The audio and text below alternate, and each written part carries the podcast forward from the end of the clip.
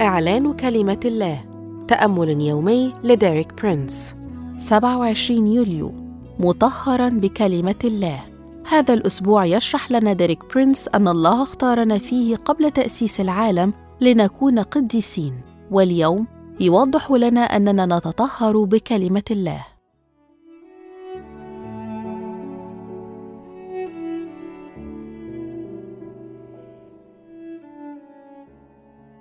في العهد القديم بعدما يسفك دم الذبيحة كان يجب غسلها بماء نقي.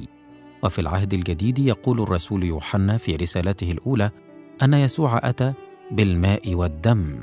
رسالة يوحنا الأولى خمسة العدد ستة. ويقصد بالدم دم يسوع الذي سفك على الصليب وخلصنا. ويقصد بالماء الماء النقي الذي هو كلمة الله. يسوع يخلصنا بدمه ثم يقدسنا ويطهرنا بغسل الماء بالكلمة كما ذكر في رسالة أفسس خمسة العدد 25 و 26 قال يسوع في صلاته من أجل تلاميذه في يوحنا 17 العدد 17 قدسهم في حقك كلامك هو حق. إحدى الطرق الأساسية التي تقدسنا بها كلمة الرب هي أنها تغير طريقة تفكيرنا. التقديس يبدأ من الداخل للخارج وليس من الخارج إلى الداخل. حيث تدعو الطرق الدينية للتقديس إلى اتباع بعض المظاهر مثل إطالة الفستان وقص الشعر وعدم استخدام أحمر الشفاه وما شابه ذلك. لكن الرسول بولس في رسالة روميا 12 العدد اثنين يقول تغيروا عن شكلكم بتجديد أذهانكم لتختبروا ما هي إرادة الله. وفي رسالة أفسس 4 العدد 23 يقول وتتجددوا بروح ذهنكم. الروح القدس يجدد أذهاننا بالحق الذي هو كلمة الله. هناك مصطلح في اللغة الإنجليزية يعرف بغسيل المخ وعادة ما يكون له دلالة سلبية. ولكنها في هذا السياق في معناها الإيجابي مناسبة لتصف الطريقة التي يجدد بها الروح القدس أذهاننا ويغسلها وينظفها بالماء النقي لكلمة الرب.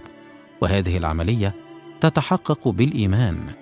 وهو عنصر لا يمكن الاستغناء عنه في تقديسنا.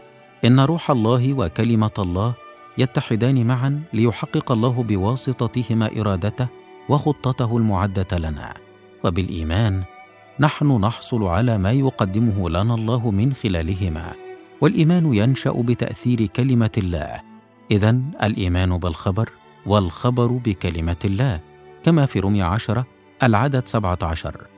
فكلما أصغينا أكثر لكلمة الله كلما زاد إيماننا لنكون مستعدين للحصول على عمل الله الكامل الذي صنعه لنا من أجل قداستنا. أشكرك يا رب لأنك دعوتني. أعلن أني قد اغتسلت وتجددت بالماء الحي لكلمة الله. أقبل عمل الله الكامل الذي صنعه لي لأني مقدس. آمين. للمزيد من الكتب والعظات لديريك برينس قم بزيارة موقعنا www.dpmarabic.com